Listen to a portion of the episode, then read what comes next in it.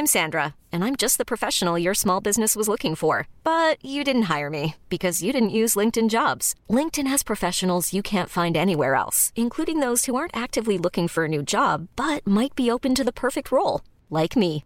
In a given month, over 70% of LinkedIn users don't visit other leading job sites. So if you're not looking on LinkedIn, you'll miss out on great candidates like Sandra. Start hiring professionals like a professional. Post your free job on linkedin.com/achieve today. There's never been a faster or easier way to start your weight loss journey than with PlushCare. PlushCare accepts most insurance plans and gives you online access to board-certified physicians who can prescribe FDA-approved weight loss medications like Wigovi and Zepbound for those who qualify.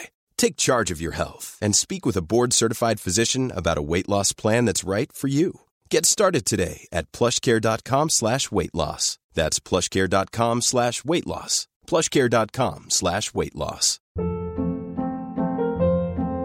Hold up. What was that? Boring. No flavor. That was as bad as those leftovers you ate all week. Kiki Palmer here, and it's time to say hello to something fresh and guilt-free. Hello Fresh. Jazz up dinner with pecan-crusted chicken or garlic butter shrimp scampi. Now that's music to my mouth. Hello Fresh. Let's get this dinner party started. Discover all the delicious possibilities at hellofresh.com.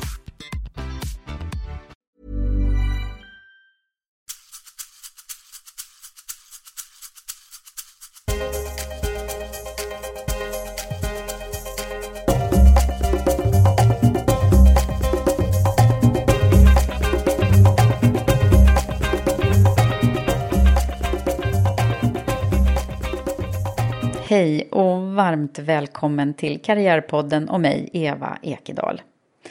Nu ska vi strax kicka igång ett nytt avsnitt där jag träffar Charlotte Petri Gornitska, generaldirektör på Sida. Hon har gjort en spännande och lite annorlunda karriärresa, från sångpedagog till generaldirektör.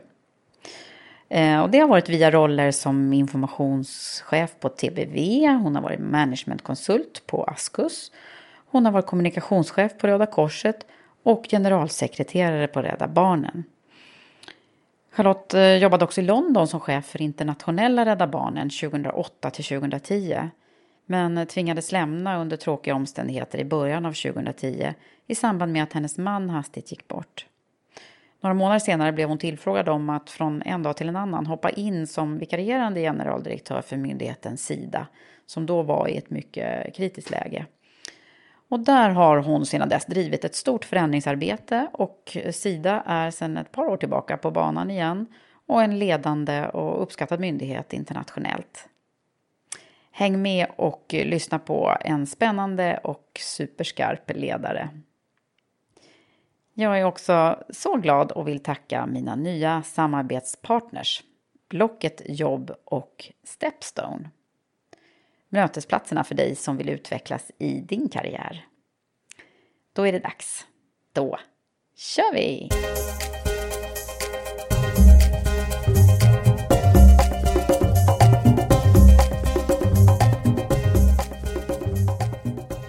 Charlotte, välkommen till Karriärpodden.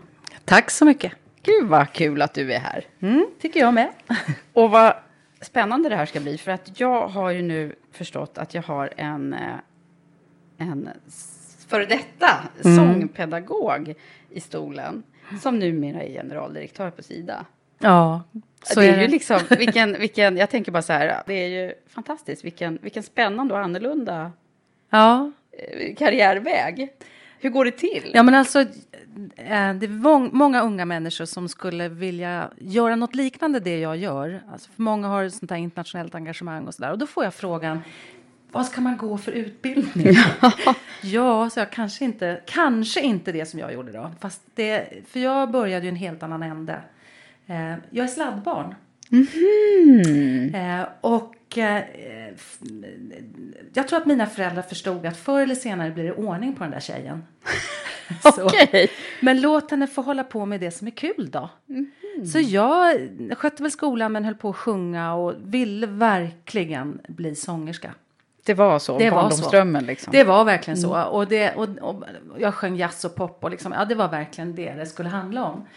Men så var jag lite duktig flicka så att när skolan var slut så tänkte jag men alltså om man ska bli det då måste man nog lära sig att stå på scen. Mm. Sådär, och då bör man nog gå teaterskola. Och så. så jag hade någon... Det var Kalle Flygare var då Kalle alltså. Flygare, ja. Mm. Så därför så började jag liksom på, på, på, den, på den delen. Att, att liksom, det var min hobby som fick bli, bli min start i livet.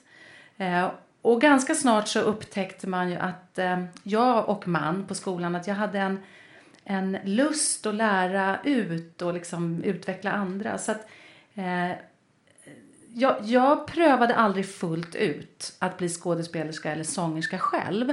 Men jag har heller aldrig liksom misslyckats med det. För jag gled över till att börja jobba med andra som pedagog och, och sådär. Och sen så, lång historia kort, eh, så tog, tog det där mig till ett, till ett studieförbund som heter TBV. Som mm. tog mig till en managementkonsult. Mm. Eh, som började arbeta med eh, ganska mycket värdebaserat ledarskap fast i näringslivet. Och det ena gav det andra. Jag började mer och mer engagera mig för, i samhällsfrågor. Och kom då så småningom till Röda Korset och där jag är idag. Och den röda tråden är egentligen eh, alltså utveckling, för, alltså människors utveckling. Mm. Om det handlar om att lära en vuxen att sjunga som aldrig har trott den kan. Eller om det handlar om att, att förbättra liksom, levnadsvillkor för en en, en kvinna eller ett barn i de länder vi verkar så är liksom, den röda tråden är ändå det. Mm. Eh, men det var ju absolut inte en karriärplanering. Nej, så, Nej det kan jag tänka mig att, att det var inte det du tänkte från Nej. början kanske om någon hade frågat Nej. Här, ja, ska du Nej. bli generaldirektör när du blir stor? Men eller? samtidigt så, så, så, är det ju faktiskt så att de verktyg man får eh, i, i den typen av utbildning, jag fick ju träna empati. Eh, på teaterskolan så fick vi ju liksom övningar som gick ut på att på vägen hem liksom fundera över vem är det jag har mitt emot mig på tunnelbanan. Vad, vad har hon för färg på tröjan? Vilken kvällstidning väljer hon? Vad händer när hon kommer hem? Alltså många av sådana här eh, träningar för att, att, att tolka en roll. Eh, och det är väldigt hjälpsamt. Även om, alltså, om man i grunden är intresserad och sen får verktyg för det. Det har hjälpt mig tror jag många gånger att verkligen vara närvarande i möten med människor och, och tycka att det är eh, alltså haft förmågan att sätta mig in i den som jag ska möta i den personens situation. Jag tror att det är ett ledarskapsverktyg, mm. fast jag inte visste det då. Nej, men nu är det ju till och med många som jobbar med teater i ledarskapsutveckling. Så är det, men det här, nu så, så talar vi liksom hundra år ja, sedan. Just det. så det, nej, men, ja, så är det ju. Det är mm. många som gör, och det gör man ju också för, man jobbar med teater för att uttrycka sig eh, också i sitt ledarskap. Ja. Och, det, och, det, har ju jag fått göra. Mm. Eh, förstod ju inte att jag så småningom, att det här med att stå på scen och få en talteknik och, och möta folk och engagera folk med, med, med, kommunikation. Det visste ju inte jag att jag skulle använda till det här.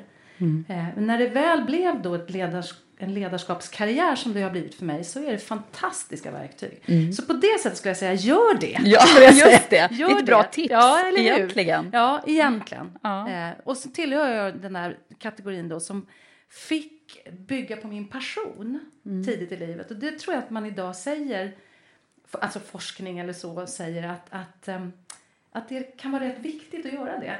Eh, att börja sitt liv med det, som, alltså det man verkligen brinner för, om man kan. Eh, jag fick ju det, så jag var ju mm. jäkla gynnad. Mm. Aha, vilken, vilken otrolig historia. Men du, jag måste få höra mer från början där. Sladdbarn. Jaha, hur, hur, hur, gamla var... Du hade syskon då? Ja, jag har två syskon. De är tio och nio år äldre. Mm. Eh, och och jag, jag, vi är halvsyskon, så jag är då liksom, min mammas och pappas gemensamma barn. Och mm. Så det var lite speciellt där när jag kom, liksom önskad av alla och ändå ah. lite sent. Lite special. Lite special, precis. så. okay. så att, ja, så är det. Så att, eh, och det och, har, det, har det liksom präglat dig, tror du, mycket? Jag tror det har präglat mig jättemycket faktiskt. Eh, mm. Jag tror att det har präglat mig i eh, och framförallt så tror jag att, att jag var ju, jag blev ju någon form av, av mittpunkt för familjen. För att mamma och pappa skulle egentligen inte kunna få barn också. Va? Så att jag var väl väldigt efterlängtad. Mm. Samtidigt var de lite äldre. Mm. Så, mm. och, så att det var en del saker som där jag liksom bara hängde med. och, och eh, om man hade väl gjort sina liksom misstag på mina syskon och sådär mm. så man tog det väl lite lugnt å ena sidan och samtidigt så, så var jag ju liksom ganska, alltså jag, jag fick ju sköta mig själv. Ah, okay. Men så det, det fanns också en tillit till att jag skulle greja det. Ja. Så att, eh, ja. Så tror- egentligen så räknar man dig nästan som ensamt barn då i den här Ja. eh, forskningen kring Ja. syskon då? Men det som, det som man Mm. ofta brukar göra med forskning på syskon det är att man brukar ju säga att det, det äldre syskonet tar mycket ansvar. Mm. Men av olika omständigheter i mitt liv så tog jag också väldigt mycket ansvar. Ja. Eh, och och eh, eftersom jag var så stor åldersskillnad så var jag ju liksom ensam kvar i familjen när mina syskon hade flyttat. Och vi hade omständigheter som gjorde att, att jag kan se idag att jag, eh, jag mm, ja, tar gärna ansvar för att då kan man också ha initiativet eh, och kollen på läget. Okej. Eh, och jag tror att jag är präglad av, man brukar ibland prata om maskrosbarn och Ja, sådär. just det. Ja, och Mm. Jag har lite, Lite av det. lite av det. Mm. Eh, så det har präglat mig på det sättet också. Att, eh, eh, ja, ansvar tar jag. Ansvar, Mm. även, ja men precis, det finns ju inget som säger att inte småsyskon eller mellanbarn heller för Nej. den delen tar ansvar. Det beror ju, allting beror ju på omständigheterna. Så är det ju. Men, men eh, på andra sätt då, vad har det, liksom, vad har det betytt för dig, den, den uppväxt som du hade? Har du, har du reflekterat över det? Det har du säkert gjort. Ja, alltså jag tycker på många sätt, alltså min, min, jag är uppvuxen på Lidingö. Mm. Eh, och Där vi sitter nu. Ja, precis. Så det är ju. dina gamla Ja, hemmakvarter det är faktiskt nästan. Mm. det. Och det är så fint på jättemånga sätt. Och jag, så på ett sätt kan jag säga att jag är uppvuxen med å ena sidan en silversked i mun. Det var så, så mycket som var självklart. Eh, och det finns så mycket koder i, i den uppvux, uppväxten som jag hade. Att jag, jag kan röra mig i alla salonger och tala med vem som helst på liksom ledigt. Så, så man får, jag fick så mycket med mig när det gäller eh, alltså, Vad jobbade dina föräldrar med då? Min pappa var försvarsadvokat. Ah. Eh, och eh, han hade bland annat eh, Jan Guillou i IB-målet. Så då var det väldigt mycket snack om det och sådär. Så pappa, pappas jobb intresserade mig jättemycket. Mamma var hemmafru. Skulle hon varit i min generation så hade hon eh, absolut varit i business så. Men hon, hon arbetade på NK från början men blev hemmafru. Okej. Så, och de spelade mycket golf eh, och de levde ett bra liv på Lidingö. Och det har naturligtvis präglat mig eh, i, i hur, liksom, vad man tror att världen är. Eh, men jag, jag var väldigt samhällsintresserad. Ja, och var kom det ifrån? Jag vet inte katten alltså. så. Nej men alltså seriöst så tror jag, jag, jag har på ett sätt fått det här med från, men jag har inget minne av att vi diskuterade politik hemma mycket. Det var lite känsligt att diskutera politik sådär. Så att jag tror att mitt samhällsintresse kom av att i och med att jag var sladdbarn och eh, mamma och pappa hade liksom levde sitt liv så sökte jag mig själv ut på saker. Så att jag åkte till min kusin på Gotland och började liksom förstå att Lidingö är inte normen. Gradvis tog jag mig ut i ett samhälle som var allt annat än den materiella standard som jag växte upp med. Eh, och jag började ganska tidigt engagera mig i elevråd och sådana saker. Och jag stod liksom på... Jag såg nog liksom orättvisor rätt tidigt och, och stod då på den svaga, si, svaga sidan. Jag minns att jag, jag kämpade för gotlänningar. För jag tänkte, de kommer inte klara nationella prov i svenska på samma sätt som jag.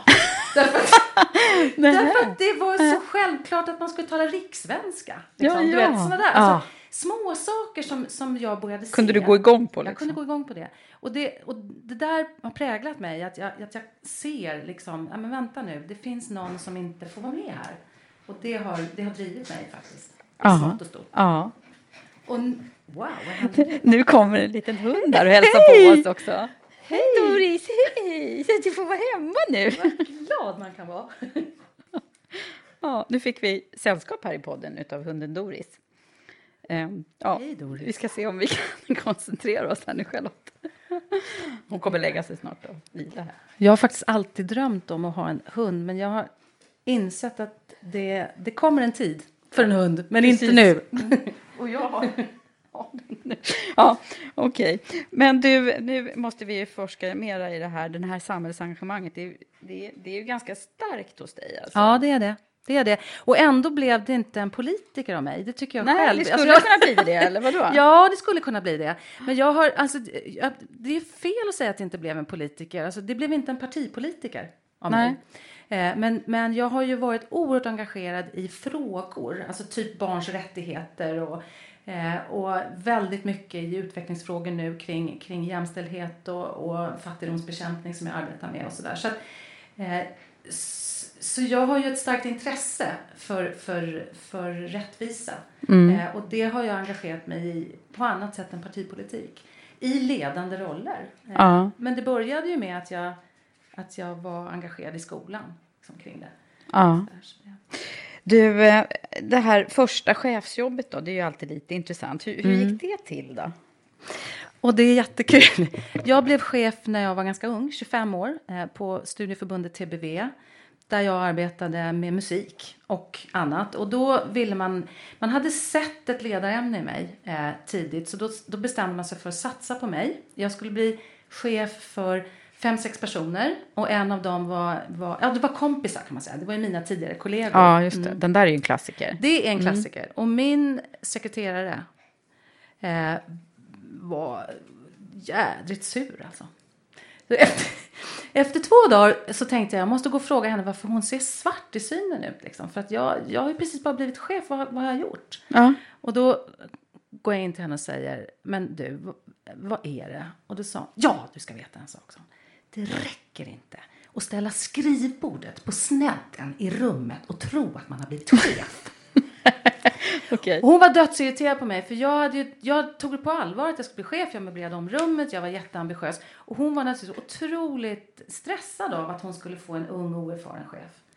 Eh, alltså, det, det, det var en förändring som hon inte såg fram emot. Och det, ro, det roliga med det samtalet var att hon sa efteråt till mig att det var första gången en chef vågade ta en konflikt med henne. För jag hade ju gått in i rummet och ställt frågan. Så jag ser att det är något. vad är det? Mm, Vad är det? Det var ingen som hade vågat fråga det. Nej, inte. Och, och det gjorde att hon reflekterade från att ha varit väldigt, väldigt skeptisk till att behöva ha den här unga, naiva, eller naiva, men unga tjejen.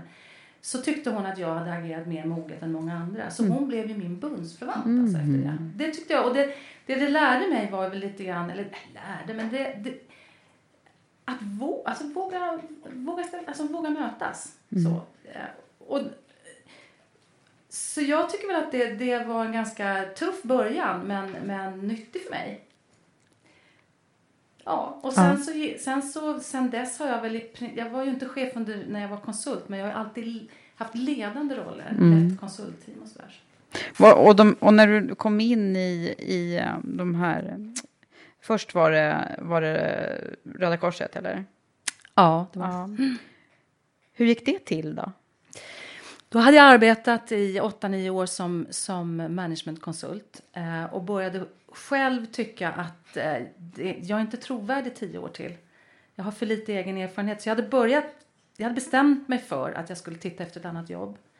Men jag hade också ett barn med funktionshinder hemma. Ah, okej. Eh, så min yngsta kille har autism Asperger. Och det där var under de åren väldigt krävande. Och jag hade börjat pröva mina egna så säga, motiv med varför jag jobbar. Okej. Eh, och liksom kände att varje timme som jag inte jobbade med och för honom eh, var ju liksom, vad, vad gjorde jag med dem? Och för vem jobbade jag istället? Liksom. Ja, okej, det är det här Det- liksom livet. Ja, Mm. det, och det var jädra viktigt. Och jag, all, alltså jag hade sån glädje av mina år som konsult, men det blev ändå sån jäkla högt pris. Så då tänkte jag att, eh, jag visste ju att jag var tvungen att jobba. Men då kände jag att jag skulle börja söka mig till en miljö där, där, jag, inte, där jag skulle gå med lätta steg till jobbet. Att det, kunde, kunde jag hitta någon form av eh, alltså kunde visionen för vårt liv, vårt familjeliv, stämma överens hyfsat med visionen i mitt jobb. Mm. Eh, alltså göra gott på något sätt. Ja, ja. Eh, och då, då undrar man ju om det är tillfälligheter eller om man bara upptäcker saker för att man själv har börjat projicera på dem. Jag blev uppringd om, och tillfrågad om jag kan tänka mig att bli kommunikationschef för Röda Korset. Och det är ju liksom, det är ju svaret på den där funderingen. någonstans va? Det bara ju- kommer ja, det liksom bara kom. neddympandes. Ja, det bara kom. Och samtidigt så min första reaktion var att Röda Korset kändes gammalt och det var min mamma som gjorde sådär. Men, men, men det ena gav det andra och jag började som kommunikationschef på Röda Korset full av förväntan när det gällde just att, att, att, att uppdraget som Röda Korset arbetar för att, att arbeta humanitärt och med fina, otroligt viktiga värderingar i grunden. Att det skulle märkas på arbetsplatsen också. Just det. Eh, och jag blev kanske lite besviken då till att börja med. Eh, därför att jag tyckte kanske att arbetsplatsen inte var så, eh, så generös liksom, i sin inställning till att ta in folk med annan erfarenhet. Och sådär. Det, började, det har jag sen eh, lärt mig om ideell sektor. Alltså det, bristen på mål och eh, alltså egna personliga mål och så. En del utav, utav eh, det som näringslivet är rätt bra på, nämligen att, att sätta upp mål och, och belöna. Mm, det var inte mm. så, medvet, så, så hög medvetenhet om det i ideell sektor på Nej. 90-talet. Och det präglade lite grann kulturen, så jag blev först lite besviken. Men sen ju mer jag kunde arbeta med uppdraget och vara med och påverka det här så blev det otroligt meningsfullt. Och, och jag gjorde ett val igen sen att jag vill fortsätta att arbeta för det här syftet men med mina professionella eh, erfarenheter från näringsliv och andra miljöer. Det var ju liksom det jag verkligen kunde bidra med då. Mm. Eh, så det var en fantastisk kombination att få göra det. Ja, vilken det spännande liksom, karriärväg det här är. För ja, liksom, det är det faktiskt. managementkonsult, Ja. eh, liksom, sångpedagog, managementkonsult, Röda Korset. Ja, nej, men det är klart att jag ibland... Ja. Det är inte en självklar röd tråd, även Nej. om jag tycker det. Men hur gick det med det här, liksom, dina funderingar kring livet? Du hade Mm. liksom en tuff situation Mm, hemma och mm. mycket krävande där kan jag tänka mig.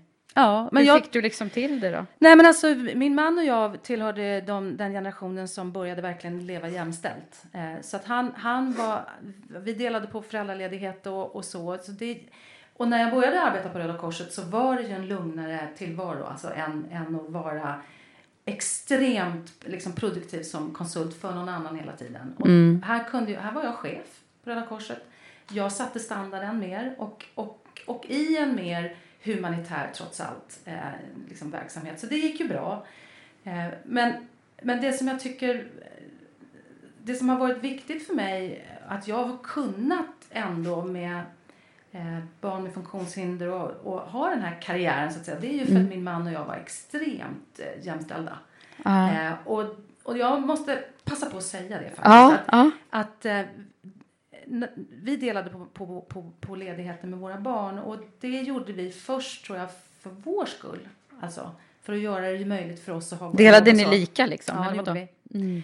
Men jag vill verkligen säga att det var det bästa vi kunde ha gjort för våra barn. Mm, Det tror inte jag vi tänkte då. Jag tror att det är liksom en sån här tillvaro man måste ordna rent praktiskt. Men när man får ett barn som vi fick då med funktionshinder så var det så viktigt att vår son hade en pappa och en mamma som båda förstod eh, vad, hans, vad hans problem var och som båda tog ansvar. För vad jag har mött är eh, kvinnor framför allt som är hemma med sina och som blir ensamma eh, därför att de inte har sin man många gånger med i en sån situation och då blir det till och med en konflikt hemma. Alltså förnekelse om att barnet har ett funktionshinder. Det blir oftare skilsmässor.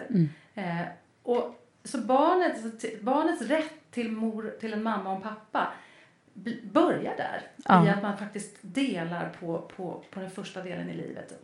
Men, eh, men var, det var inga problem att dela? Alltså, ni hade ingen diskussion kring det? här? Jo, det hade vi. Jag tjänade mer än min man och det var ju inte det vanligaste då. Va? Så det är klart att det börjar med det. Eh, och det, det är inte så lätt. Det var inte så lätt för någon av oss. Min man, jag har väldigt respekt för att han valde att spela andra fiolen som man säger. Fast han är en, var en första fiol, typ. Liksom. Ja, så, okej. så, Ja. så jättekämpigt. Ja, Och- så han hade jobbigt med han, sin... Ja, han, han fick ju liksom mm, plana ut sin karriär lite och valde att göra det. Mm. Eh, och, blev, och jag var ju den som liksom fick höra hur, vilken duktig man jag har då. Sådär, av andra kvinnor ska jag säga. Hmm, hmm, hmm. Ja, Så, det, ja, jo, ja. men så var var, de det. avundsjuka eller vad var det de uttryckte? Nej, men det, jag tror att de var väldigt uppskattande eh, mot min man. Och de var väl också lite kanske ute efter att tala om för mig att du vet inte hur bra du har det. Så. Lite sånt var det nog. Eh, och ja, men nu talar vi liksom 20-25 år sedan. Ja, du menar att det kanske är annorlunda nu? Ja, fast jag, ja, jag tror att det är annorlunda nu faktiskt. Jag tror Mm. det. Men, men, men, Men vad är det du säger, ja. kvinnor är inte alltid så schyssta då eh, i de här sammanhangen? Ja, men jag tror vi är, lite du, vi, vi, vi är lite dubbla. Tror jag. Att vi å ena sidan verkligen vill ha den här jämställdheten och, och så och vill, vill ha ett systerskap. Eh, och, och jag tror verkligen vi vill det. Men jag tror att ibland att vi inte eh, ser liksom när vi när vi sätter hinder för varandra. Och, och vad jag förstår så är vi ju inte alltid så att, vi, att kvinnor vill ha kvinnliga chefer utan vi vill ibland ha manliga chefer och sådär. Så vi har väl någon liten elefant i rummet tror jag Mm, kvar. Eh, när det gäller att verkligen stötta varandra i det här och, och inte konkurrera Mm. eller, eller uttrycka liksom avund och så.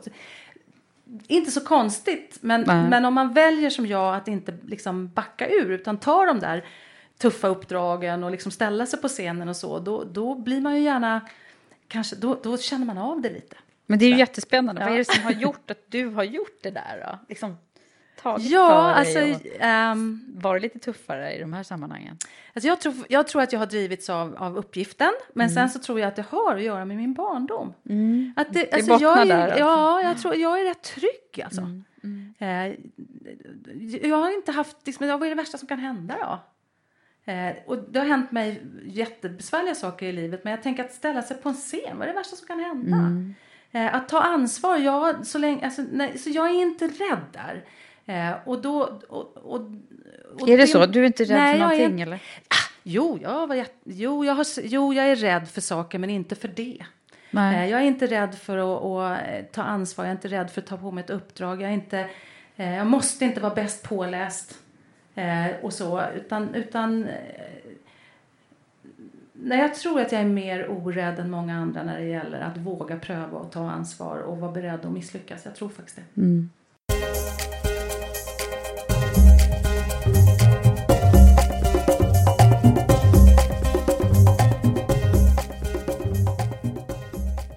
jag tänker så här, du har, det kan ju inte vara alldeles lätt alla gånger. Det är det ju inte. Vad, vad, vad är det liksom, när har du känt att det har varit lite motigt då i, i ledarrollen eller i, eller i livet stort? I ledarrollen så, jag, kan, jag, jag tycker att det är jobbigt när, eh, när det är mycket eh, skitsnack, som jag tycker är skitsnack. Alltså när man, eh, när man inte, eh, när de egna behoven eh, på en arbetsplats eh, förtar liksom siktet i uppgiften. Och då, då ska man sätta det i, i, i det sammanhang jag jobbar i idag. Vi arbetar ju för folk som är så mycket mer utsatta än vi.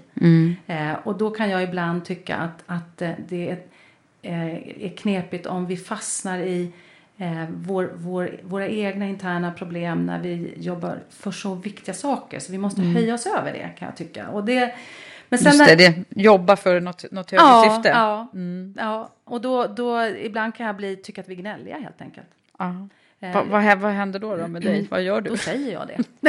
då säger jag det. Och då tittar folk på mig och tycker att, att så kan du inte säga. Men det gäller väl även privat sådär att jag kan tycka att vuxna är ibland lite intoleranta mot barn och vi är snabba att döma liksom, eh, ett barn för, för ett beteende utan att veta vad det kan bero på och sådär. Så att, eh, så att jag, är, jag, är, jag är ganska krävande liksom, i att vi som har valt att ha de här jobben på Sida eller Röda Korset och Rädda Barnen, vi, vi måste förstå att folk vill till och med arbeta gratis för att få engagera sig för någon annan. Vi får betalt. Vi har ett otroligt viktigt uppdrag i att göra allt vad vi kan för att få utväxling för de som har gett oss förtroende. Och då får vi inte fastna i, i det som jag då ibland kan tycka är småfrågor. Och då tycker jag det är tråkigt och tungt. Och som alla så kan jag tycka att internpolitik, när det blir liksom, när man märker att det är maktspel på olika nivåer så, så tycker jag det kan vara tråkigt också. Så det, Men du, Charlotte, det har, ju, det har ju blåst lite om dig ibland. Vad var det egentligen som hände där för några år sedan? Eller det är ganska... När Det är ett år sedan, Det är precis. ett år Ett år sedan. sedan precis. Det var, Ja. det var veckan före valet förra året. Eh, jag blev intervjuad i SVT, eh, väldigt överraskande för mig, eh, om att man hade upptäckt att jag hade haft dubbla löner under en period på, på Sida. Alltså från Rädda Barnen samtidigt som jag hade lön från Sida. Eh, och, eh, och det blev ett, ett, ett, ett drev kring det. Ett riktigt mediadrev alltså. Ja, det blev det faktiskt. Och, och i och med att det var valvecka så gick det att spela upp det. Alltså, det var många som uttalade sig.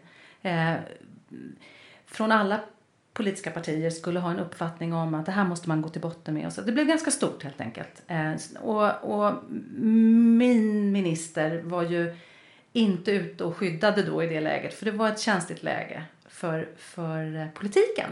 Ah, så att, ja, så det, var en, det fanns ju en dramaturgi runt själva. Alltså, det var en händelse i sig och så var det en dramaturgi kring att det var den veckan. Eh, Så det, var ju ett, det blev ju ett drev som handlade om skulle generaldirektören på Sida få sitta kvar eller inte.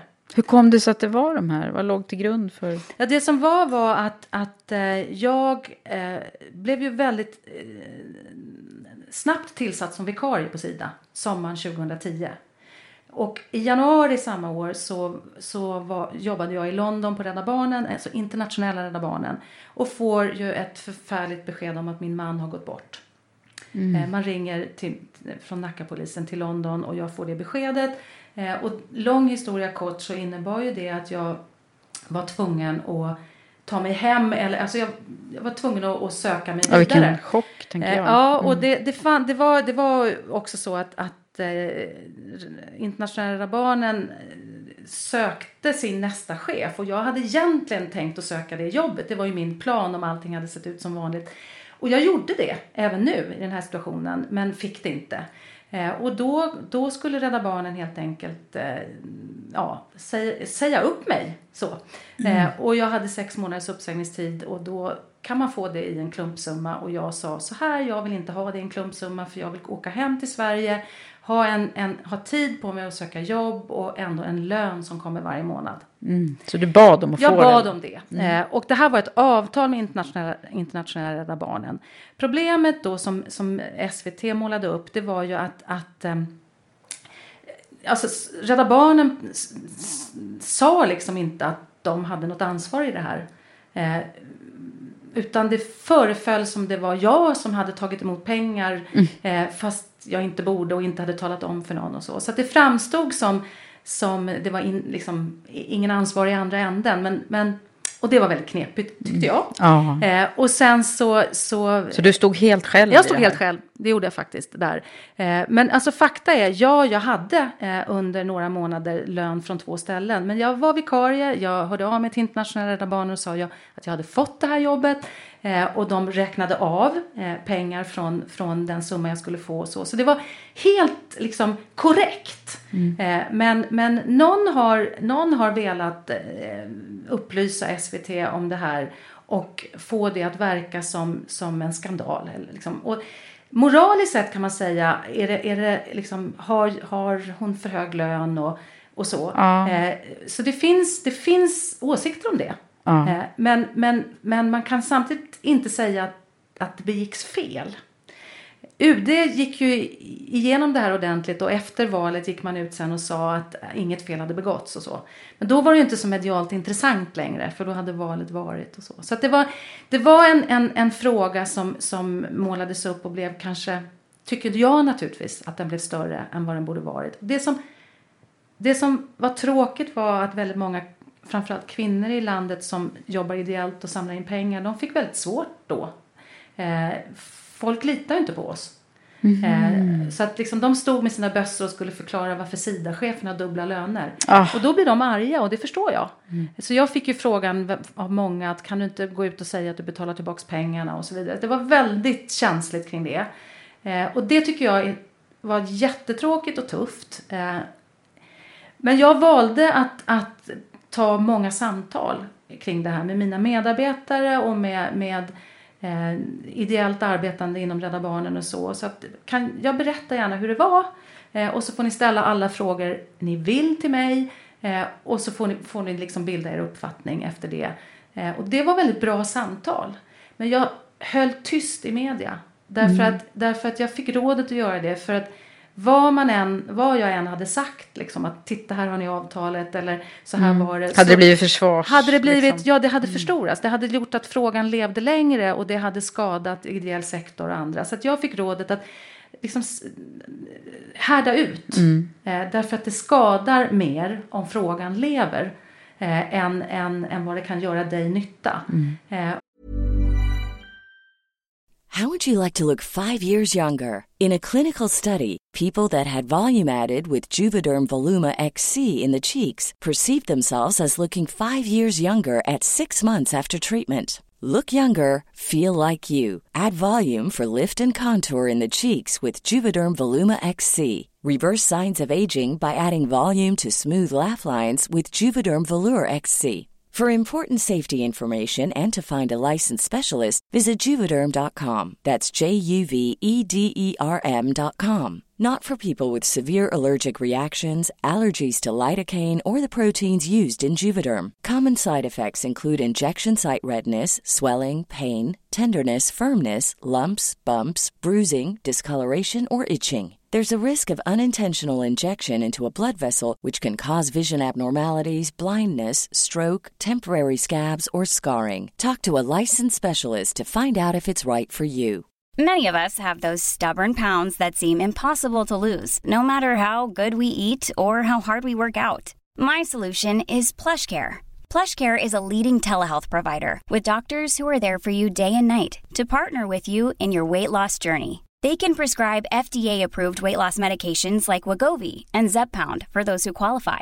Plus, they accept most insurance plans. To get started, visit plushcare.com slash weight loss. That's plushcare.com slash weight loss. Wow. Nice. Yeah. What you're hearing are the sounds of people everywhere putting on Bombas socks, underwear, and t-shirts made from absurdly soft materials that feel like plush clouds. Yeah, that plush. And the best part? For every item you purchase, Bombas donates another to someone facing homelessness. Bombas. Big comfort for everyone. Go to bombas.com slash ACAST and use code ACAST for 20% off your first purchase. That's bombas.com slash ACAST. Code ACAST. Ever catch yourself eating the same flavorless dinner three days in a row?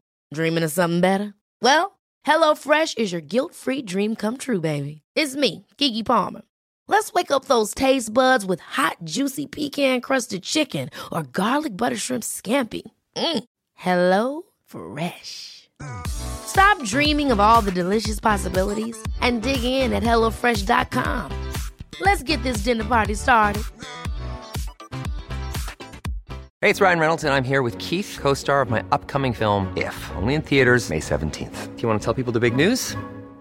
All right, I'll do it. Sign up now and you'll get unlimited for $15 a month and six months of Paramount Plus Essential Plan on us. Mintmobile.com slash switch. Upfront payment of $45 equivalent to $15 per month. Unlimited over 40 gigabytes per month. Face lower speeds. Videos at 480p. Active Mint customers by 531.24 get six months of Paramount Plus Essential Plan. Auto renews after six months. Offer ends May 31st, 2024. Separate Paramount Plus registration required. Terms and conditions apply if rated PG. Och det, det, Det är nu rätt. lärdom i Det är en sig. jädra lärdom. Mm. Och, och så brukar man säga att man lär, alltså inget ont som inte har något gott med sig och jag skulle inte vilja vara utan det här och så. Det är nog att överdriva. Jag skulle nog kunna tänka mig att vara utan Just, det. ja. Men, men visst katten lär man sig. Jag hade varit i blåsväder på Sida innan för att jag gör en, en, ett omfattande förändringsarbete på Sida som inte var, var populärt. Det är nästan det idag, men det var de första åren och då införde jag ett, ett em, ett visselblåsarsystem på Sida som en utav mina saker som jag har gjort. Därför att vi behöver kunna ha ett anonymt sätt att anmäla risk för oegentligheter eller korruption och så.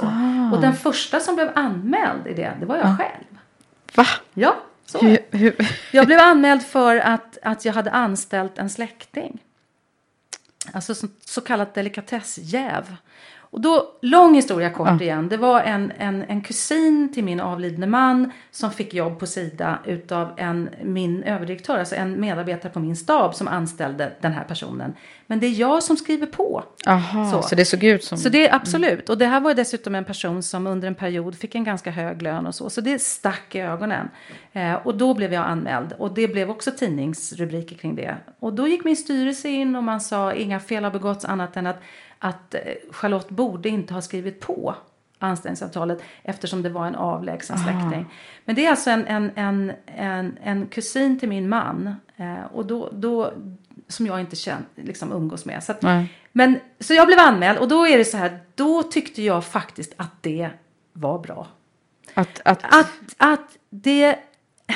Att systemet på Sida gäller även högsta chefen. Mm, just förstår det. du? det är Att det liksom, funkar Att det liksom funkar och det är fasen med så att det är inte... har ni ett- kvar det här? Absolut. Och jag blev ju testad. Hur känns det då? Eh, Och vad, vad, är det, vad, är, vad är det för instinkter som, som man får när man blir anmäld och så? Så att jag tycker att den händelsen lärde jag mig jättemycket av. Den här andra kring min, mina så kallade dubbla löner och så, det var smärtsamt. Mm. Ja, förstår Så, det. men och det- i, det i den situationen också. Ja, jo men absolut. Och så, ja, och, det blir ju gärna också en, en, en sån här snyfthistoria. Liksom. Eh, jag hade ju jättemycket att reda ut eh, under det här halvåret efter min man och så. Men, men, men herregud, och sitta där. Men först, äh, det, blir bara, det blir bara snaskigt och fel. Det kunde bara bli mindre fel, inte rätt. Nej, nej.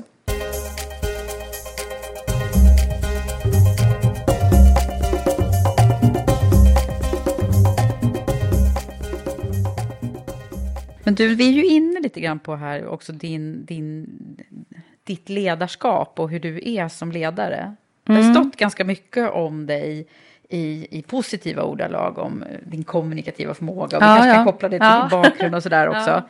Men, men vad tror du själv då? Vad är det som liksom har, har burit dig fram i, i den här ledarrollen? I, i form av liksom egenskaper, tänker jag. Ja, det, energi. Alltså jag, jag, jag orkar eh, och vill mycket. Och jag är en person som, som eh, väldigt gärna vill samtala med mina medarbetare om vad vi ska liksom, åstadkomma. Eh, så energi och möte med människor är ju det som har varit liksom helt avgörande. Och det jag lärde mig efter ett tag, framförallt genom att studera andra chefer, det var att det där kan man komma långt med, men om man inte vet vad man vill. Om man inte har någon riktning, alltså då, då, då blir det ju ändå ingenting till slut. Då blir man ju kanske en bärare av något, men, men, men man kanske ändå inte har, har eh, sin egen liksom, bidrag tillräckligt tydligt klart formulerad för sig. Så jag bestämde mig för på, på, på Rädda Barnen, som var mitt jobb efter Röda Korset, att jag måste ganska, inte, inte efter 90 dagar, alltså du vet man brukar säga man ger 90 inte så tidigt, men ändå liksom kunna svara på frågan vad vill du åstadkomma eh, under dina år på Rädda Barnen som du lämnar över när du lämnar stafetten efter 5-6 år. Vad är ditt bidrag? Eh, och, hur, och jag har alltid tagit min utgångspunkt i den organisation som jag leder, hur är den relevant? Alltså vad, behö, vad behövs Rädda Barnen för eh, i Sverige och världen? Och verkligen ställt oss de frågorna och då har jag ofta gjort det i, i, i samtal, ibland säger vi processer, men vi menar möten med människor. Ställt de här frågorna, att, vad gör andra? Vad är, hur ser behoven ut för, för barn? Vad är typiskt liksom, det svenska Rädda Barnen som det handlade om då? Som, har vi ett särskilt värde som vi kan addera? Så verkligen, verkligen försökt arbeta med en relevant uppgift och framtidsbild. Eh, och satt höga mål alltså. Jaha, vad, hur då? Hur höga mål Jo, kan man därför att- sätta i en sån här organisation, Ja, men- jag också. Men, mm. Jo, men alltså i, i, ta ett, ett exempel ur Sida så, så är det så att vi lever i en tid nu när, man, när vi, vi tror att det är möjligt att utrota extrem fattigdom eh, inom, inom 25-30 år i världen. Det vill säga, det är faktiskt inom räckhåll ett sånt mål. Och då, en lång historia kort. Sverige är stora på bistånd. Vi är väldigt respekterade utanför Sverige för det sätt på vilket vi bedriver bistånd. Jag är chef för en stor myndighet med mycket kompetenta medarbetare. Om vi vet att det där målet är för första gången på länge möjligt att, att, att, att, att leva upp till och vi har en sån stark position. Då kom jag till jobbet och sa, men det, då sa jag, det är vi, Sida, vi leder förändringen som utrotar fattigdom. Vi leder. Och folk bara tittar på mig. det var ingen som hade sagt så förut? Nej, eller? men alltså, jag trodde, vem är, men nu har du väl ändå blivit knäpp. Alltså, det där måste ju vara hybris. Liksom, så. Eh, det är inte vi som leder. Det är någon annan. Och vi bidrar.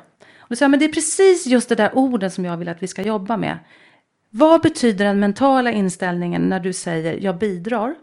Eller du säger jag leder? Det är inte fel på att bidra, absolut inte. Men det ligger mer initiativ, mer ansvar i att ta ordet leda i munnen. Det ställer krav på dig själv att fundera över att om jag leder förändringen som ska utrota fattigdom och det bara var jag kvar, Gud förbjude, vad är det vi skulle göra då? Alltså vad är det som verkligen behövs? Och jag menar att det vässar oss att säga leda istället för att bidra. Jag säger att vi tvingar oss ut i vad är det vi verkligen måste ägna oss åt. Och då i kombination med att vi har den starka position vi har och att vi säger leda så kommer vi bli, vi kommer bli bättre på det vi gör. Mm.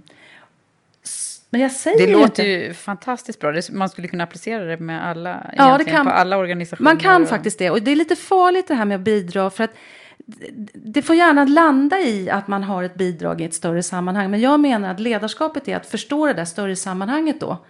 Vi, vi leder därför att vi förstår att vi, att vi ska arbeta i ett stort sammanhang. Vårt bidrag ska vara ledande. Det ska skapa förändring. Det ska inte bara vara ett bidrag som blir.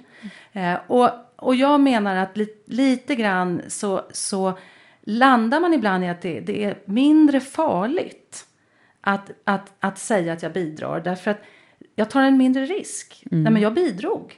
Eh, jag står inte med ansvaret Nej, själva. just det. Då är man bara liksom en på sidan om. Ja, lite så va. Och, det, och, det, och vi jobbar med risk och vi jobbar med, med, med liv och död. Och då menar jag att vi måste våga formulera ett ledarskap och ta risk och ta liksom, kritiken för det. För det är det förtroendet vi har fått. Jag säger inte att vi är de enda som leder. Jag säger samtidigt, jag hoppas att fler sitter i samma övning. Att våra kollegor över världen också funderar över från sin position. Mm. Frågan är om de gör det. leda. Ja, mm, vet inte. Nej, det kanske är en annan diskussion. Men, Men, ja, men det, mm. det, det är faktiskt en, en väldigt spännande diskussion att ta. Och där, där är väl mitt ledarskap att både liksom ha en, en, en systematik för den analys man måste göra. Eh, men sen göra den med, eh, med samtal, hög energi och sen, sen ger jag mig inte kan jag säga. Jag ger mig inte. Mm. Okej, det finns en envishet Ja, det också. finns en, och en person som bökar. Liksom. Mm. Jag, jag, jag, kan, jag, jag förstår att det tar tid med förändring. Det förstår jag ju bättre för varje år. Eh, Mm. Så att otåligheten finns, men tålamodet finns också. Eh, och jag jobbar ju, jag gör ju fel. Jag prövar och gör fel, då vågar jag erkänna det. Det säger mina medarbetare, det gör mig glad. Mm. Att, hon är, hon, ja, att jag inte är så prestigefylld, utan jag säger, "Men okej, fel, då gör vi om. Men framförallt så är jag beredd att, liksom, jag brukar säga att jag bökar. Alltså jag, är, jag är beredd att jobba mm, rätt uthålligt för förändringen. Eh, på det igen. Eh, och Men, men om, finns det någonting, om man tittar liksom på hela din karriär här nu, Ja. finns det några gånger när du faktiskt har liksom eh, ångrat dig eller varit för, för ivrig eller? Jag har absolut varit för ivrig. Har jag ångrat mig? Nej, men jag kanske inte har mm, lyckats så bra som jag hade kunnat om jag var bättre förberedd och mindre ivrig. Eh, alltså jag eh, bör ibland vänta ut andra. Eh, och jag kan bli för på. Va? Och då är det klart att det har hänt kanske att jag har bränt en, alltså, bränt en möjlighet för att jag blir för stark. Alltså inom citationstecken, för, Mm. för dominant.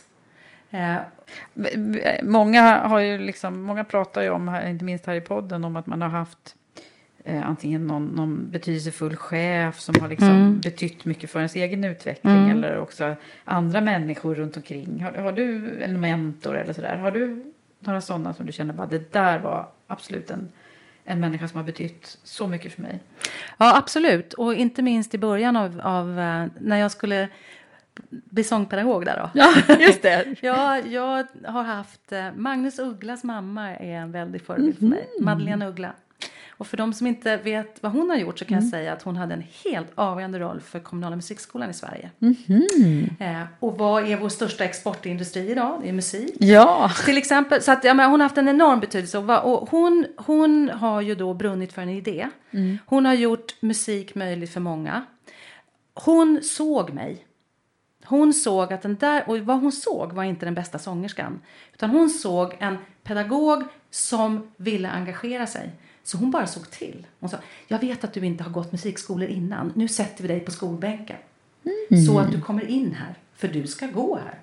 Så vad hon gjorde. Så hon såg dig hon liksom. Och det var fantastiskt alltså. Och Så att både som förebild i det hon gjorde inspirerar ju mig. Men också att hon hade liksom, att, att hon bekräftade mig och, och handfast var en mentor. Det, var, det hette ju inte mentorskap, Nej, hon bara nej. placerade Mm. mig där. Det var ju fantastiskt. Eh, och så har jag faktiskt haft andra chefer tidigt i livet som, som hade modet att lyfta fram mig.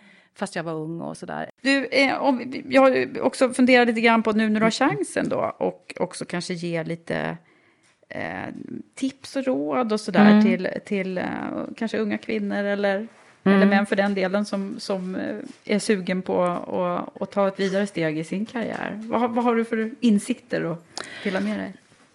Den, det ena är väl just det här att, att, att Eh, för det första tycker jag att man ska, man ska, eh, man ska söka sig till uppdrag eh, där man, där man får pröva ledande roller. Man måste inte börja som, om det bara finns en trist chefskarriärstege så pröva ett rejält projekt. Alltså gå in, i, gå in i en ledande roll där du måste vara med och forma eh, uppdragets, eh, uppdraget som sådant och leda andra i det. Och ta det tillfället. Alltså, var öppen för det. Att våga ta det våga tidigt ta- eller? Ja, jag tycker faktiskt det. Jag tycker det. Men om du då, om du då tar det tidigt och vet med dig att du är yngst och sådär. Eh, var medveten om det. Försök inte låtsas att du är äldst. Alltså det, det var ju det jag gjorde när jag skulle göra mitt arbetsrum så märkvärdigt. Liksom. Just det, ställde skrivbordet på Ja, men snedden. lite så här, "Åh, jag är jättechef så. Eh, men, och min sekreterare tog ner mig på jorden där, va? men samtidigt så såg hon en annan mognad hos mig. Så jag tror liksom att, att, att eh, bjud in andra i att vara med på din resa. Så att jag kommer greja det här, men jag grejar det om ni ger mig det stödet. Liksom. Eh, jag är rookie, men, men jag tänker leda. Ja, och, jag, och, och så tycker jag att man ska vara oerhört öppen för att att eh, ta, alltså så här, ingen tror jag tycker det är skitkul att ta kritik. Nej, Nej, inte du heller. Nej men precis. Men jag säger ju till mina medarbetare och det vill jag ge ett råd att göra. Att ge mig den information som jag behöver nu så att jag kan agera. Jag vill inte veta om ett år saker som jag hade kunnat ändra på eller agera eh, för att ni inte vågade säga det till mig. Men vet om mig då att om du kommer och säger till mig att jag gillade inte det där du gjorde igår. Då kanske inte jag kommer säga åh vad fint att du säger det till mig. Utan jag kanske ser lite sur ut då och går i försvar. Så. Men dagen efter så kommer det där ha sjunkit in hos mig och då är det den bästa gåva du kan ge Mm. mig. Ge mig det jag behöver, du tycker jag behöver veta så jag kan agera på det. Och är man då ung, då, om man vågar det, säga, ja, men liksom, ge mig feedback, kritisera mig. Då har man ju så jädra mycket eh, möjligheter att få lära sig. Eh, om, man, om, man, om man kan ta emot det. Och Mm. jag lovar att, att människor runt omkring kommer inte att missbruka det. Nej, så det gäller att liksom lära sig att ta, Ja. omvandla den här Ja. feedbacken på, Ja. på rätt sätt. Då. Och sen en sista grej.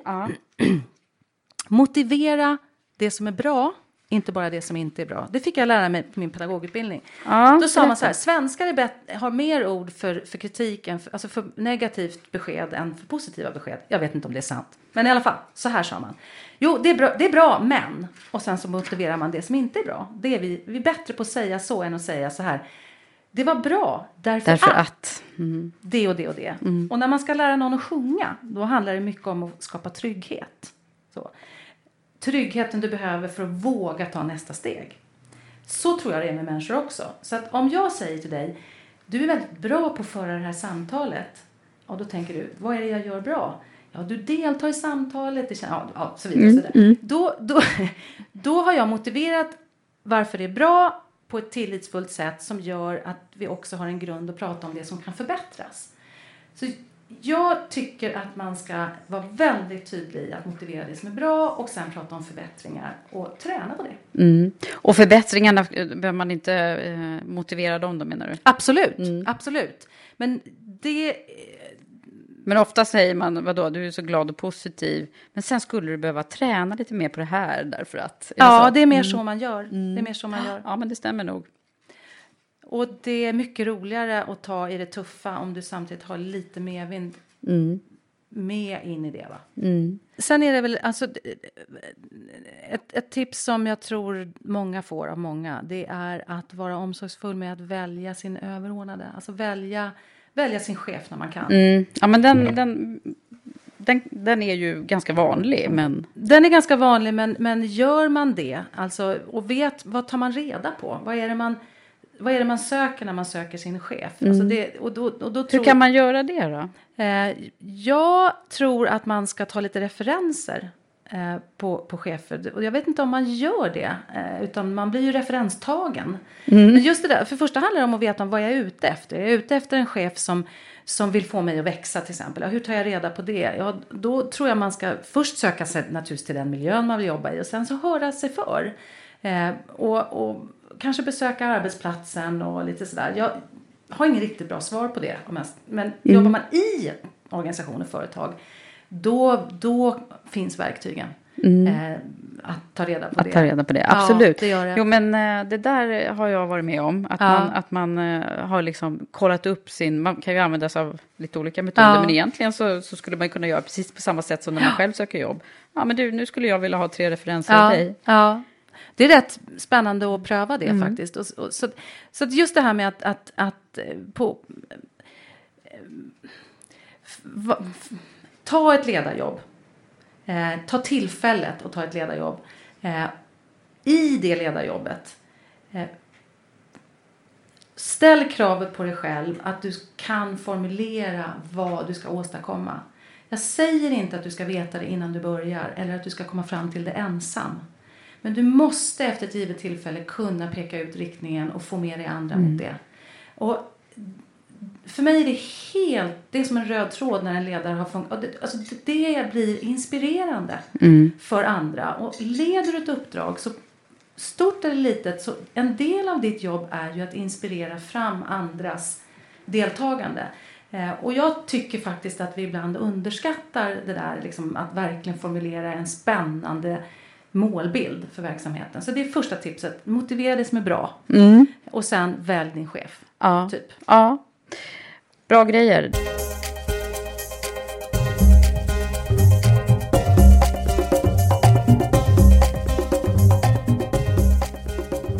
Sen eh, ska du få en skicka vidare-fråga från Lottie Knutsson som ju var här sist hos mig.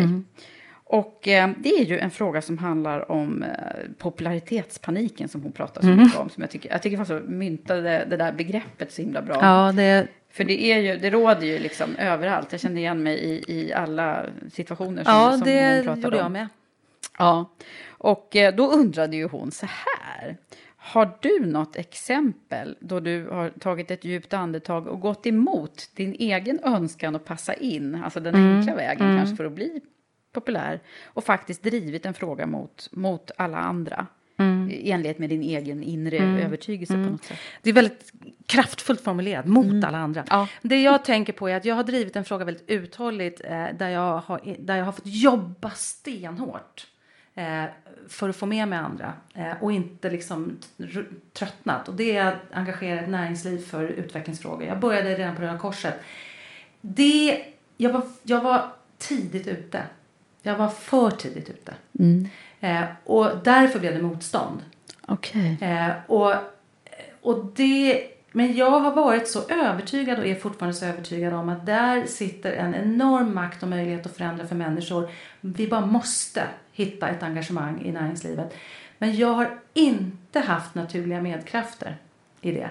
Eh, och det enklaste för mig hade varit att låta bli. Det är ingen som hade sagt till mig att jag inte hade gjort mitt jobb. Det, det, är liksom inte det du måste Nej, egentligen. det är faktiskt inte det. Men jag är övertygad om att när vi tittar tillbaka på den här tiden som, som, som är nu så det är ju naturligtvis inte bara jag som engagerar näringslivet men vi kommer titta tillbaka på den här tiden och se att det var oerhört viktigt. Vi gick ifrån att näringslivet sponsrade välgörenhet för att se bra ut så, va? till att man verkligen nu funderar på hur kan vi vara med och skapa samhällen som är drägliga att leva i och som på lång sikt också gynnar vår affär. Alltså det är en helt annan inställning från stora delar av näringsliv globalt och i Sverige kring hur man ser på sitt samhällsansvar. Och det har varit värt, tycker jag, att, att vara ibland liksom lite ensam på barrikaderna kring i, i, i mitt skrå. Liksom. Okej, just den här frågan. Men, Ja. men å andra sidan så skulle du, om du lyckas tänker jag då, Mm, absolut. då blir du jättepopulär. att, Ja, men och det är klart att det är svårt. Alltså, Om man ska ta en sån här, alltså, så här vad jag, jag, är, jag, är, eh, jag är ju dotter till en försvarsadvokat. Eh, och det jag tror att vi, liksom, jag har från pappa ett extremt rättvisepatos. Jag kan bli så jävla kränkt för någon annans skull. Mm. Så. Så att vad jag har gjort vid två tillfällen i mitt liv det är att jag går inte, jag lyssnar sällan på mobben alltså. Mhm. Jag har blivit uppvaktad tidigt två gånger när jag var kommit som chef. Mm. Utav grupper som har sagt den där personen måste du flytta på. Eh, Aha, Alltså, ja. Man har identifierat en intern kandidat som vi Mm. ska passa på att ta bort nu när vi har en Så ny chef. hackkyckling Ja, liksom. precis. Och det går inte att, alltså jag är benhård. Jag tar reda på fakta, jag går inte på det, jag är extremt kritisk till lägena. Därför att vad jag märker är att när jag verkligen ska be någon att vara med mig och träffa den personen det handlar om, då viker folk undan. Och då menar jag att jag har inte fakta i målet. Nej, okej. Så, Så, du är lite liksom egen försvarsadvokat? Då är jag, och, då, Mm. och då är jag, jag blir ju inte populär på det. Det, hade Nej. varit, det är mycket enklare att gå på liksom den stora breda fåran, men det är livsfarligt. Mm. För då går ju det att göra. Gör man det en gång kan man göra det nästa gång och nästa gång. Så där har jag varit benhård. Så att vå- våga ta strider. Våga ta strider Det, det, och- och- det kan man också sätta. Ja, våga ta strider och, och liksom inte, pop, alltså inte bli populär i det sammanhanget. Då, Ja, det. Mm. Sen vill jag ju hemskt gärna att folk ska tycka att det är himla kul att jobba med mig. Mm. För mina idéer och, Mm. och bli omtyckt för det. Så jag ska inte liksom, vadå? Jag drivs väl av det, Mm, precis som andra. mm. Du är en vanlig människa jag är rätt vanlig, Ja. lite bekräftelsebehov. Du, eh, men sen ska du ju själv få ställa en sån här skicka vidare fråga till nästa gäst som vi inte vet vem det är ännu. Eller jag vet, men du vet inte. Nej, precis. Ehm. ja, jag fick lite prestationsångest. Popularitetspanikångest. Ja, nej, men jag vet ju att, att det, ja, det är många kloka frågor som har ställts. Liksom, Mm. sådär. Och man vill ju gärna komma med liksom, ytterligare en. Och, och, och då har jag tänkt att jag ska ställa en fråga som, som har att göra med det jag har lärt mig. För jag har lärt mig om mig själv att jag gör ett bättre ledarskap när jag, och nu säger jag det för femte gången, när jag själv har formulerat eh, visionen och uppdrag liksom, som verkligen sätter målbilden. Mm. Eh, och därför vill jag ställa frågan, eftersom det här är en, en karriärpodd och det kommer sitta någon här som ska, ska göra det, så tänker jag att berätta för mig, hur tänker du gå tillväga när du formulerar visionen och uppdraget för ditt nästa jobb? Mm, just det, för det Mm. kanske är ju någon som har ett antal ledarjobb i ryggen, Ja. eller Ja. några i alla fall. Och för mig skulle det kunna vara, jag vet inte om du har en, en, en politiker eller något sånt här, för ibland jag kan känna också så här, att- och vad jag menar med det är att även en, alltså om man jobbar ideellt eller i näringslivet så tycker jag att alla måste ju veta att man, är, man har en upp, man ska åstadkomma något. Mm. Man är ju inte där för sin egen skull, även om det är jätteroligt att ha spännande jobb. Utan vad är, det, vad är det du ska åstadkomma och hur bär du dig åt för att sätta bilden av vad du ska åstadkomma? Mm. Eh, och, och ja, Mm. tycker det är Och det kan ju vara ett krav på att man ska sätta det ganska tidigt. Ja, precis. sin- Det, det där är ju så klämkäckt. Alltså, jag har haft mina 90 dagar Ja. och nu ska jag börja. Och det, det, det kanske någon vill göra så. Jag, jag, eh, jag har inte sagt det till mig själv att det ska vara liksom, jag- man måste vara väldigt tydlig väldigt tidigt. Men, men jag skulle ju också säga att, att man har ju inte, man har inte mer än ett år på sig i de Nej. flesta miljöer. Nej. Det har man faktiskt ändå inte. Alltså, för sin egen skull det, och andra. Så att, Du ska bara veta hur, hur högaktuellt det är för min egen skull. Jag som nu har jobbat eh, tre veckor jag på såg mitt att du, nya det jobb. hände något i pannan. Ja, där. jag bara, mm, jag har några veckor till på mig. Men det beror ju på, det går inte att säga, det beror på vilken miljö man är i. Men, men, men det, det får inte bli en klyscha. Det måste ju bli, det måste ju bli en gediget formulerad idé som, som är genomförbar. Och hur bär man sig åt? Mm. Ja, jättebra fråga. Den tar vi vidare till, Kul, till nästa gäst. Ja. Men du, så här lite avslutningsvis nu då, Charlotte. Vad, vad är det som... Har du, jag brukar fråga om man har något livsmotto eller sådär. Mm. Eh, eller om, om det är någonting som du vill skicka med oss, som, som du själv har lärt dig någonting av Mm. genom, genom ditt liv. Och det kan ju vara stort och smått. Mm. Eh, jag har... ehm, jag har ju prövats hårt tycker jag med när min man gick bort så hastigt för fem år sedan. Och jag är ensam med två barn och ett barn har funktionshinder och sådär. Och, då, och på ett plan så beskrivs ju det som, som beskriver jag det och andra det som hur, hur, hur, hur fan orkar man det? Ja. Så, va? jag Och- tänkte det när du ja. pratade om det förut. Ja, jo, men liksom, Oj, det måste vara, och sen hände det där andra. eh, Ja, hur, or, hur orkar du det? Och, och, och, och då ska jag säga så här att jag hade inte inte orkat ge mina barn eh, den trygghet och den energi från mig eh, som de har kunnat få om jag inte hade haft mitt jobb. Alltså mitt jobb har eh, inneburit system och struktur, någon som har frågat efter mig, någon som har en zon där jag har kunnat eh, faktiskt ta bort lite av mitt privata jag. Mm. Och det har ställts krav på min förmåga. Det har gett mig kraft att sörja. Mm. Så. Mm. Men det har också gett mig någon form av, och det här är, tror jag många säger, li, lite den här känslan av att vad är, vad är verkligt viktigt då? Eh, människor emellan. Och då, jag märker att jag, att jag faktiskt tar väldigt mycket mer på allvar det här med att som jag själv vill bli behandlad ska jag behandla andra. Eh, och det har fått en innebörd för mig att, och det har inte att göra med just, just min mans dödsfall, men jag har stannat upp för vad vill jag kunna vara? Liksom, eh, när det här yrkeslivet och så är över. Och det är klart att jag vill vara fantastiskt viktig kugge i hjulet för utvecklingsfrågorna. Men jag vill vara en, en, en god medmänniska i jobbet och privat och jag vill förstå eh, vad, som, vad som skapar liksom, goda cirklar bland människor. Och då handlar det väldigt mycket om att, att, att inte sitta ner varje morgon och fundera över vad betyder mänskliga rättigheter bara. Det är ju liksom, utan vad är att respektera varandra. Mm. Eh, och det, i stort och smått är det så otroligt viktigt. Och det betyder för mig att jag, det kan man inte tro nu när jag pratar så mycket, att jag, jag är bättre att lyssna. Mm. Jag, Idag är det du som ska prata. Ja, tack. Men, och jag, är, jag är bättre på att lyssna, jag är bättre på att stanna upp för eh, vad det betyder att visa någon annan respekt. Och, så det, är- det är väl lite det som, som, som leder mig nu. Mm. Och sen är jag ganska sträng. Det är också någon slags motto där att, att eh, hushålla med ordet kris. Okej. Eh, vi har faktiskt en flyktingkris nu. Precis Mm. idag när du och Mm. jag träffas Mm. här så, så kommer SVT att sända extra på grund av att vi är så enormt eh, stor, 60 Mm. miljoner människor är på flykt. Mm. Inte så många någonsin sedan andra världskriget. Det är en kris. Verkligen. När jag började på Sida så beskrev situationen på Sida som en kris. Eh, och för några människor blev det det därför att vi var tvungna att säga upp folk. Men de flesta av dem fick en bra tillvaro efter det. Eh, och jag skulle vilja säga att det är för starkt ord. Mm. Eh, det var ett bekymmersamt läge. Det gick att ta sig ur. Eh, men, men måla inte med för stora penseldrag alltså, när det gäller det som är riktigt svårt och så. Därför att det...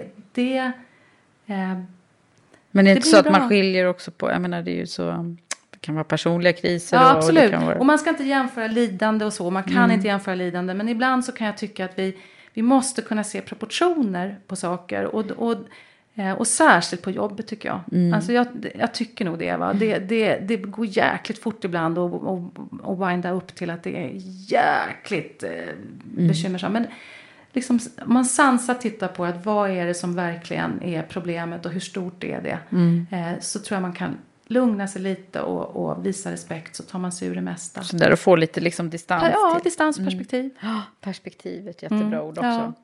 Mm. Gud vad bra och kloka ord från dig, tycker jag. Ja, tack. Tack. Tack så jättemycket Charlotte för att du har tagit dig tid och, och varit här med mig den här eftermiddagen. Tack, det är jätteroligt eh, på många sätt. Ja.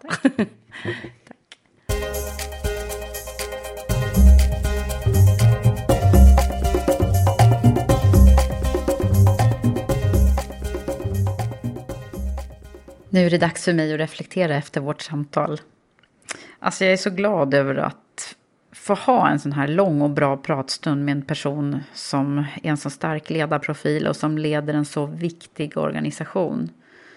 Jag tycker att hon utstrålar en häftig energi och i kombination att hon faktiskt känns jättetrevlig och lättsam förstår man ändå hennes starka kommunikativa, tydliga sida och att hon vet vad hon vill och jag kan förstå att hon får med sig folk på resan också.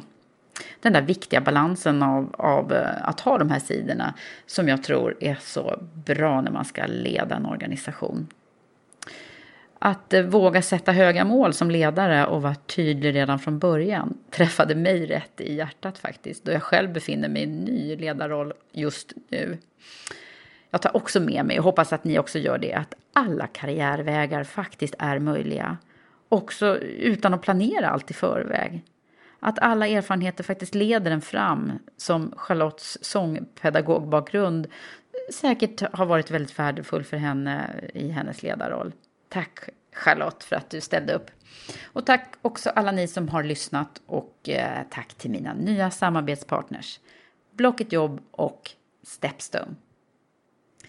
Fortsätt gärna att höra av er till mig och följ Karriärpodden på Facebook, Instagram, LinkedIn och Twitter. Vi hörs snart igen.